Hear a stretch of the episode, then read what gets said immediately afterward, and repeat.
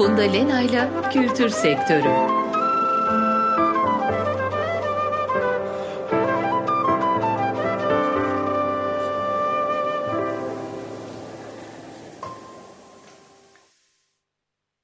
İyi akşamlar sevgili Açık Radyo dinleyicileri. Ben Funda Lena. Kültür Sektörü programından hepinize mutlu bir akşam diliyorum.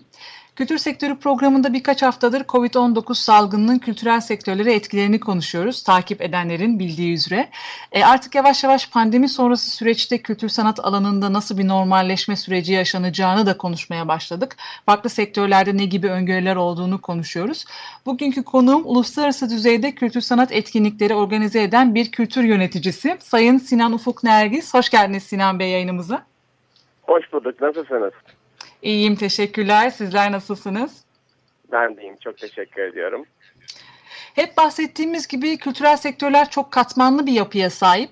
Değer zincirinin farklı aşamalarında birbirini tamamlayan işler yapan çok sayıda aktör var. Yaratım aşamasında eser üreticileri, örnekse şarkı yazarları, besteciler, yazarlar, senaristler, sanatçılar. Üretim aşamasında bu eserleri bir prodüksiyona çeviren aktörler, film yapım şirketleri, yayın evleri, müzik yapımcıları var. Sonraki aşamada ise tüm, tüm bu üretimlerin izleyiciye ulaşmasını sağlayan aktörler var ve onlar olmadan eser üretimi de bir anlamda da anlamsız oluyor.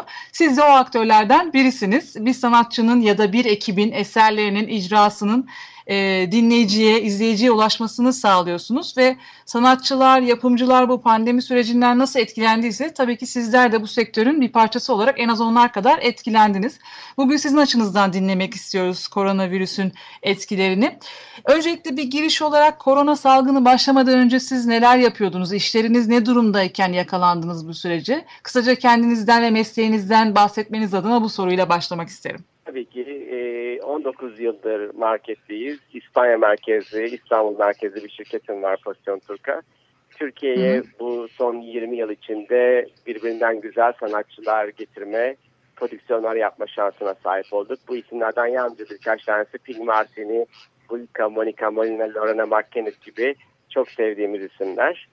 Ee, tam e, biz tabii ki yurt dışında da düzenli turneler yapan, konserler yapan bir şirket olduğumuz için e, tam e, Wuhan'da o pandemi süresinden önce bir virüs olduğunu duyduğumuz zaman e, Çin'de Passage to Bollywood adlı e, Hindistan'dan bir dans grubumuz turne yapıyordu.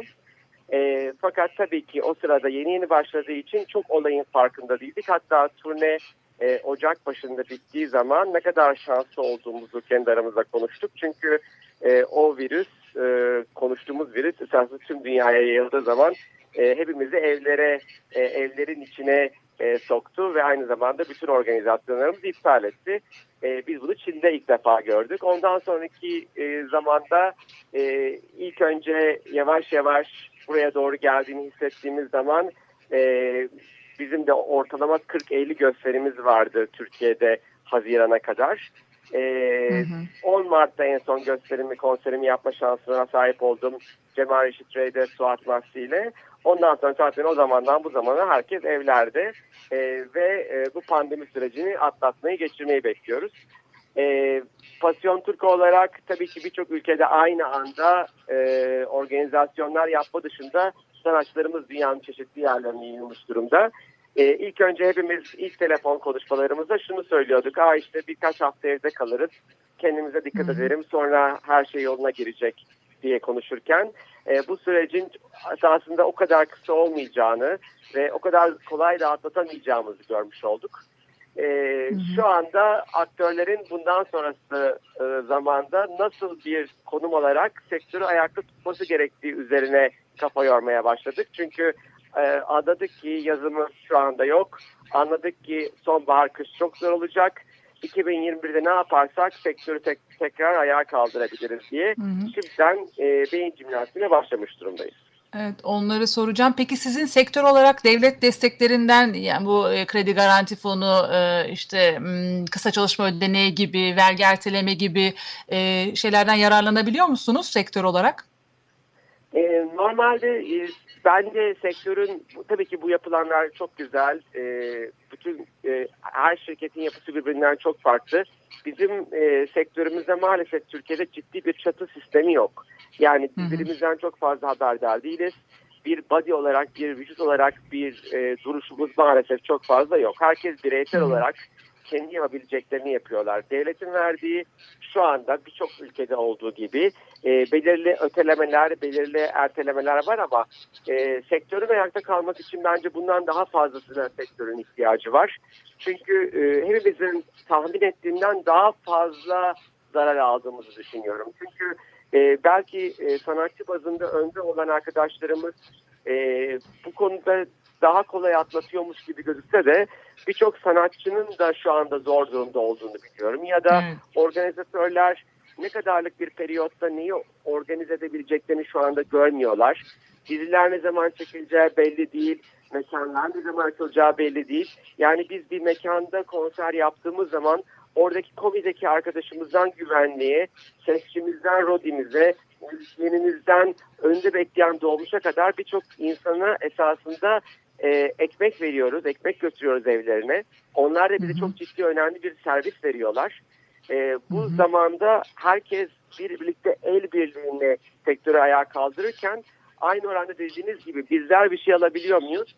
E, çok güzel. Arkadaşlarımızı ben şirketim olarak e, herkesi e, normal çalışma olarak devam ettirdim e, bu zamanda. E, herhangi bir yardıma ya da desteğe başvurmadım. Ne İspanya tarafında ne Türkiye tarafında. Ama e, yurt dışında birçok hükümet, devlet e, şöyle bir çalışma yapıyor. Sektörün öneminin çok net farkındalar. Nasıl biz bu sektörlere yardım edersek sektörler ayakta kalır diye. Hı hı. Ee, umarım bizlerde de sektörümüzün önemini daha iyi ifade edebiliriz. Ee, ihtiyaçlarımızı da daha iyi ifade edebiliriz ki sektörümüz bu zamanda ayakta kalabilsin. Evet sizin demin de altını çizdiğiniz gibi kültür sanat alanı çok fazla farklı çarpan etkisiyle farklı alanlara dediniz ya işte kapının önünde bekleyen dolmuşu işte etraftaki esnaf bir film çekildiğinde oradaki esnafın kalkınması gibi birçok ekonomiye katkıları var. Bunların fark edilmesi ve e, yani aslında kültür sanat zaten her halükarda desteklenmeli ama hani bu özelliğinden dolayı da aslında e, bir katkısı olduğunun da farkında olunması gerektiğini hep vurguluyoruz. Ee, şimdi siz doğrudan gösteri sanatları alanıyla alakalı bir iş yapıyorsunuz ve hep altını çizdiğimiz üzere gösteri sanatları alanı bu işten en çok etkilendi. Şimdi yavaş yavaş kültür sanat mekanlarının Temmuz ayında açılacağı söyleniyor ama siz hani yazdan ve sonbahardan pek ümitli değil gibi konuştunuz. Ee, bu mekanlara insanların gelmeyeceğini mi düşünüyorsunuz yoksa e, maliyetleri karşılayacak bir ciro yapılamayacağı için mi bu mekanlar açılmaz diyorsunuz? Bu konuda hani yazla ve sonbaharla ilgili olumsuz düşünmenizin sebebi nedir? Şimdi ilk önce e, tabii ki pandemi sürecinin nasıl gelişeceğini e, hiçbirimiz göremiyoruz. Yani e, aşısı bulunduğu zaman bütün her şeyin kısa sürede normale dönecek olduğunu düşünsek bile burada iki etken çok önemli faktör. Birinci olarak insanların mali maddi durumları. Yani o anda insanlar e, yapılan herhangi bir etkinliğe e, bütçelerinden o paraları ayırabilecekler mi? Biz bütün toplumu düşünmek zorundayız. Yani Evet. burada bütün katmanlardaki tüketimi düşünmek zorundayız. Yani ben mesela diyelim Lorna Makyeniz getirdim.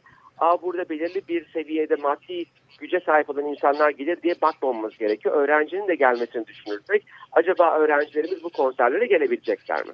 Evet. İkinci olarak da e, hepimiz çok travmatik bir zaman yaşadık.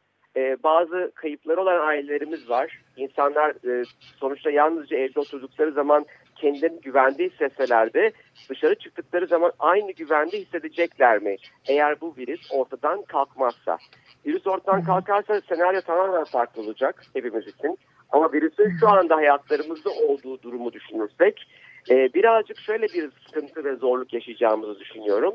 İnsanlar belirli bir süre toplanma arzusundan uzak duracaklar.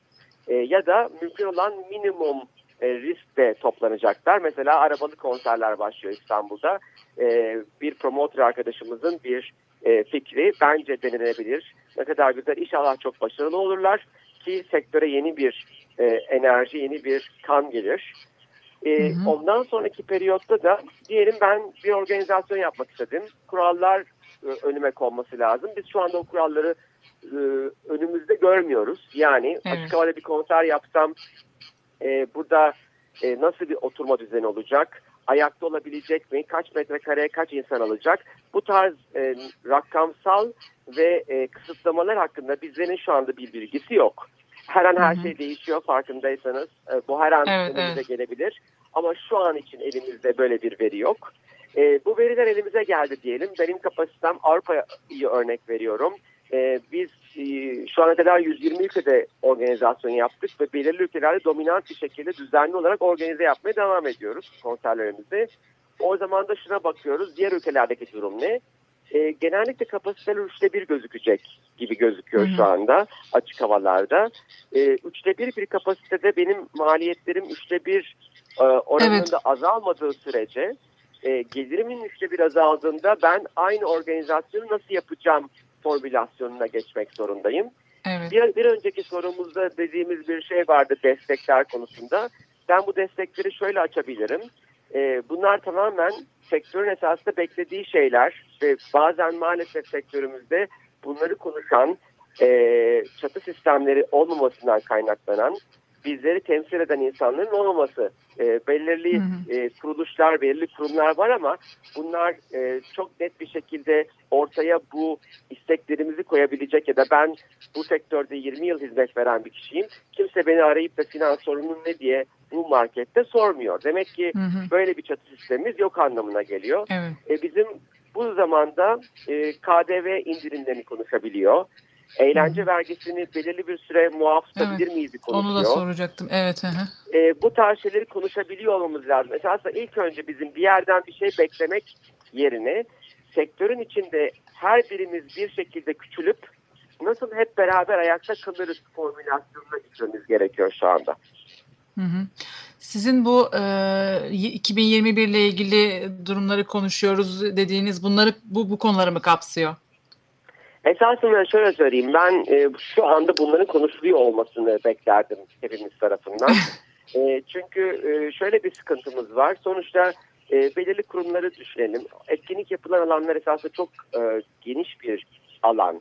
Yalnızca tiyatro ya da gittiğimiz müze değil. Biz bir AVM'ye gidiyoruz. AVM'de e, oradaki bir etkinliğe çocuğumuz pazar günleri alışveriş yaparken o etkinliğe katılmasını sağlıyoruz. AVM'ler ayakta kalmazsa o etkinlikler nasıl olacak? Birinci sorumuz. Hmm. Ya da Hmm. diyoruz ki belediyeler güzel etkinlikler yapıyor. Halka açık. E, herkesin her şeyi kültürel aktiviteye verecek parası olmadığı durumda bunlar çok önemli servisler belediyelerin yaptığı. E, belediyeler şu anda ilk etapta ne yapıyor? Bütün e, e, elindeki bütçeyi e, pandemiyle savaşma üzerine kullanıyor. Çok normal. İlk önceliğini belirliyor. Ama Evet. bunlar geçtikten sonra biz kültürel aktivitelerde bütçemiz kalmazsa ya da Hı hı. sponsorlar korkarsa mesela bir tiyatro diyelim herhangi İstanbul'daki, İzmir'deki, e, Samsun'daki bir tiyatro. Bunların diyelim ki belirli destekçileri var. Bu destekçiler ben ya ben desteklemeyeyim. Eğer ki burada bir sorun çıkarsa benim ismim sorun benim isme sorun gelmesin derse biz oradaki etkinlikleri nasıl devam ettireceğiz? Esasında buradaki bütün e, sistem sektörün e, bütün bileşenlerinin bunun farkına varıp aynı oranda destek vermesi üzerine kurulu. 2021'i beklersek eğer biz canlanma olarak söylüyorum.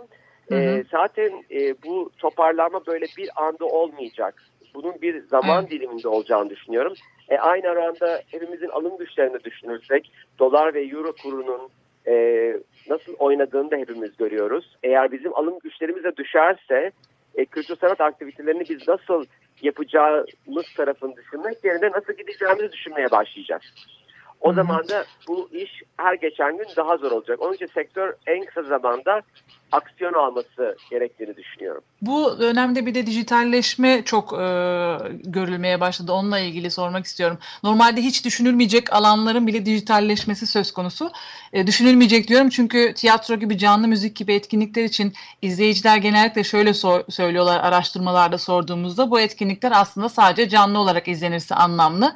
Tiyatroda da e, örneğin sanatçılar da bunu söylüyor. İzleyici canlı canlı orada olmadıktan sonra sahnedeki oyunlar e, oyuncularla bir, birbirlerinin nefesini hissetmedikten sonra anlık tepkileriyle oyuncuyu yönlendirmedikten sonra aslında tiyatro sanatından bahsedemeyiz vesaire diyorlar ama tüm bu değerlendirmelere karşı çıkışlara rağmen tiyatroda diğer gösteri sanatları etkinlikleri de hızla dijitalleşti bu süreçte. Sizin gözlemleriniz neler bu konuda? Dijitalleşme adına ne gibi adımlar atılıyor? Bir de tabii dijitalde birçok şeyin bedava oluşu da bir yandan olumlu olmakla beraber bir yandan da sektörün ayakta kalması için problemli bir sürü e, ücretsiz etkinlik olunca ücretli olanlar da onlarla rekabet edemeyecek. E, tüm bu dijitalleşme süreçleri sizin mesleğinizi de dönüştürüyor mu? Nasıl etkiliyor? Çünkü normalde siz de canlı etkinliğe bağlı bir iş yapıyorsunuz ama işlerinizin durma noktasına gelmesi dolayısıyla organizasyon işinde de yeni dijital iş modelleri söz konusu mu? Bu dijitalleşme konusunu nasıl değerlendiriyorsunuz? Esasında benim e, öngörüm zaten biz bu konuda birazcık geç kalmış durumdayız. Yani dijitalleşme zaten hayatımızın çok büyük bir oranında vardı. Son e, 3-4 senedir müzik sektörünün yaşadığı sıkıntılar, fiziksel CD'lerin ortadan kalkması, fiziksel satışın ortadan kalkması bize bu sinyalleri zamanında veriyordu. Biz esasında e, benim yaşım itibariyle ben 47 yaşındayım. Bu e, benim analog ve dijital arada kalan bir nesil olduğumu gösterir ama benim yeğenlerim şu anda tamamen dijital bir çağda. Bizler kasetleri, LP'leri, Betacam kasetleri görmüş nesilleriz ama şu andaki çocukları kaset dediğin zaman hiçbir şey ifade etmiyor. Dijital çağda aynı şekilde çok hızlı evriliyor ve biz bu evrilmeyi birazcık esasında hafife almış durumdayız. Ne zaman biz hiç ulaşım şansımız olmadığını gördük, o zaman dijitale sarılma durumuna geçtik hepimiz ve ne yaptık? Hmm. Ee, ben nasıl seyircime ulaşırım? Ben nasıl ilk önce kendimi ayakta tutarım? sektör içinde ya da e, sevenlerimle beraber. Ondan sonra da ben bundan nasıl para kazanırım? Yani iki aşamalı bir düşünceydi bizim için bu Evet. üç aylık periyot. E, ben e, kendi organizasyonlarımda şunu yapmaya çalıştım. İlk etapta e, içerik çok önemli. E, boş içerikler ürettiğiniz zaman insanların bu tüketim tüketim alışkanlığında aynı dizilerde olduğu gibi sıkılma ve e, uzaklaşma eğilimi gösterebilirler. Nasıl dizilerimiz çok fazla arttı. Her kanalda 5'er 10'ar dizi oldu. Toplam 130-140 dizi haftaya çıktı. Tabii 140 tane iyi ürün üretmek zor olacağı için insanlar iyi ürünü bulana kadarki periyotta kötüleri seyrettiğinden yavaş yavaş seyretmemeye başladılar. Aynı şey şu andaki Instagram canlı yayınları için de geçerli. Çok iyi isimlerin canlı yayınlarında Türkiye gibi bir yerde e, çok önemli bir ismi e, YouTube'a yüklüyorsunuz ve karşınızda e, çok az sayıda bir seyirci var. Bu neyi Evet. gösteriyor? İnsanlar bunu seyretmeyi tercih etmiyorları gösteriyor. E, biz dijital çağda akıllı projeler yapmak zorundayız. E, bundan para kazanılır mı sorunuza geldiğim zaman da Hı hı. eğer doğru içerikler üretirseniz ve doğru doğru kurgulamalar yaparsanız güzel e, bunun sektörde bir para e, e, kazanma yöntemi olabileceğini düşünen şirketlerdeniz. E, ya da çok yapılamayacak projeleri mesela çok hani uç bir örnek verirsem ben diyelim ki yabancı sanatçılarımı İran'a götüremiyorum. Ama benim bir sanatçımın çok fazla İran'da hayranı var. E, Hı hı. Benim orada bu organizasyonu yapabilecek maddi mani ya da e, şartlar nedeniyle yapamama ortamını dijital ortamda kaldırabilirim. Dediğiniz doğru nefes hissetmek, o anda onda olmak güzel, önemli ama mesela biz e, önümüzdeki hafta bir şey deneyeceğiz ilk defa. E, canlı bir konser e, normalde e, sosyal platformlarda e, Barbaros isimli şarkıcımızla e, hı. direkt e, kameralar, reji, normal konser formatı ama e, bir sosyal platformdan canlı bir şekilde. Hı hı. Esasında oradaki denememiz de şu, acaba teknik altyapıyı buna hazırlayabiliyor muyuz? Evet. İnsanları hakikaten evden çıkmadıkları bir periyotta belirli keyifte canlı aynı anda o seyirciyle buluşturabiliyor muyuz? Çünkü yapılan şu ana kadar örneklerin birçoğu maalesef playback örneklerdi. Ee, biz bunu Hmm. canlı yapabilir miyiz? Önümüzdeki hafta mesela deneyeceğiz e, ilk defa Türkiye'de. Evet, e, o da önemli bir başlangıç olabilir belki başka e, örnekler için. E, Türkiye ile Avrupa ülkelerini karşılaştırmak e, istiyorum. Yani daha doğrusu sizin karşılaştırabileceğinizi düşünüyorum. E, aktif olarak uluslararası düzeyde çalıştığınız ve şirketinizin İspanya'da da bir e, merkezi olduğundan dolayı. Özellikle İspanya örneğini alabiliriz. Onlar da pandemi sürecini ağır yaşayan ülkeler arasında. E, bu kültür sanat sektörü İspanya'daki bu virüsle nasıl mücadele ediyor ve pandemi sonrası dönem için hazırlıkları nasıl yönetiyor Türkiye'den farklı olarak? Yani İspanya özelinde veya dilerseniz Avrupa ülkeleriyle genel olarak bir karşılaştırma yapabilirsiniz. Ben İspanya özelinde e, konuşarak Avrupa'yı genelleyebilirim. Çünkü Avrupa Birliği'nde genel olarak yapılar bir şekilde üç aşağı beş yukarı aynı. İspanya'da e, destekler oldukça önemli şu anda verilen destekler. Birinci olarak mesela mekanlar diyelim. Ben yalnızca organizatör tarafı değil ama organize yaptığımız alanlar içinde konuşabilirim. E, diyelim ki bir lokaliniz var. Burada canlı müzik yapılıyor ve burası çok zor durumda kapanmak üzere. Devlet diyor ki ben sana bu kadar para veririm ama bir sene kapanmama garantisi vereceksin bana. Hmm. Yani işlevsel olarak devam edeceğini söyleyeceksin bana. Ya da sanatçı diyor ki ben çok zor durumdayım. Aa diyor çok güzel ben sana bu kadar para veririm ama üretimlerini bana göstermek ve vermek zorundasın. Yani üretimin devam edecek bu periyotta diyor. E, bu tarz destekler oldukça önemli ya da e, bizde eğlence vergisi var. Belediyelerin koyduğu yüzde on. Yurt dışında böyle bir kavram yok ve bu kadar çok vergimiz yok yurt dışında. E, eğer ki İspanya özelinde ya da Avrupa Birliği özelinde konuşursak insanlara parasal destekleri verirken üretimleri devam etsin, mekanları açık kalsın üzerine kurgular yapılmış durumda. E, vergi muafiyeti var e, belirli alanlarda. Bu da çok önemli. Muaf olmak demek baktığınızda Türkiye'de KDV %18 ise %18 daha az e, harcamanız olacak anlamına geliyor. E, bu kurgular yapılmış durumda yurt dışında. E, kapasiteler konusunda bize göre daha hızlı adımlar atılıyor. E, İspanya çok daha pandemiyi ağır yaşayan, bize göre çok çok daha ağır yaşayan bir ülke. Evet. E, fakat e, şu anda mesela ben Fransa için de bir örnek verebilirim. E, Pink Martini turnemiz var Kasım Aralık ayında. E, biz Kasım Aralık ayını konuşmaya devam ediyoruz. Ya da e, Bollywood gösterimiz e, Fransa turnesinde olacak. Onu da konuşmaya devam ediyoruz. Yani baktığınızda bu iki üç e, turne konuşmamız şunu gösteriyor. İnsanların bu zamanda dışarıya çıkacaklarını planlıyorlar. Kapasiteler konusunda da e, kademeli olarak artışlı kapasitelerle organizasyonlar yapılacak olarak e, bilgilendirmemiz var. Yani atıyorum ilk önce 400'e kadar yapacağız, sonra 800'e kadar yapacağız. İlk önce oturmalı yapacağız, sonra ayakta yapacağız ve daha sonra da yavaş yavaş normale dönecekmişizi görüyorum şu anda eğer ikinci dalgayı yaşamazsak.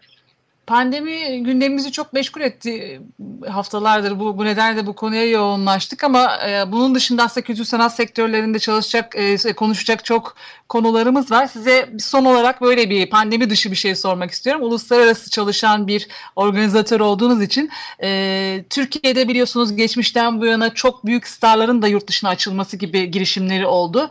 E, bir yandan çok daha küçük niş e, sanatçılar veya e, gruplar da açılmaya çalıştı. Bir baktığımız zaman bu küçük grupların bazen daha çok başarılı olabildiğini görebiliyoruz. Diğer tarafta çok büyük bütçeler ayrılan starlar olmasına rağmen.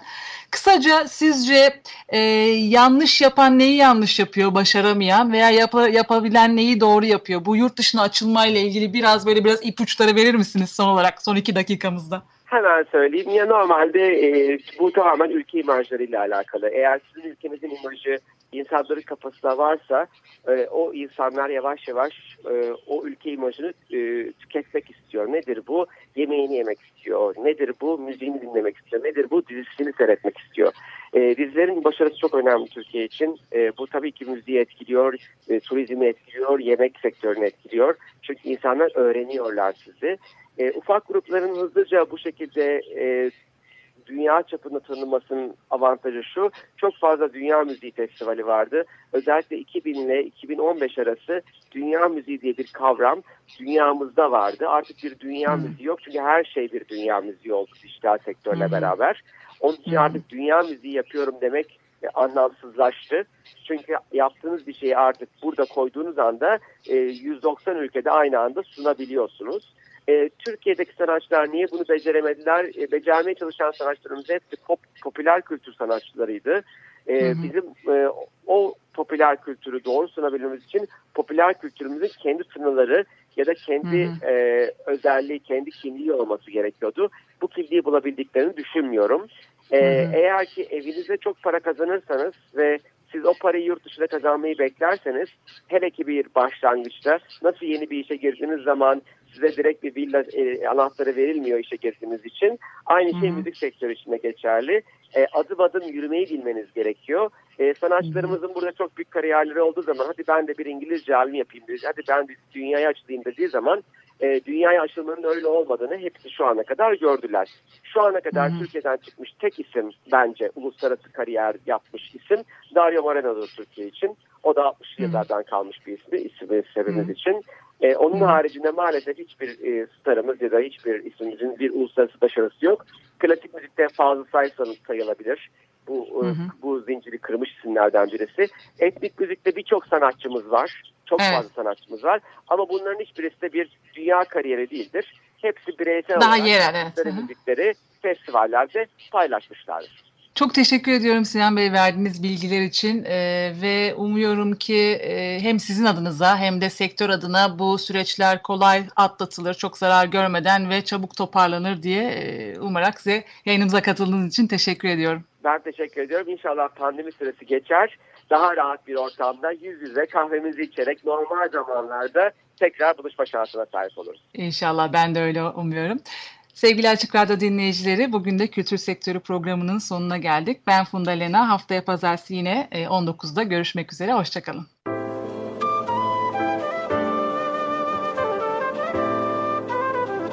Funda Lena ile Kültür Sektörü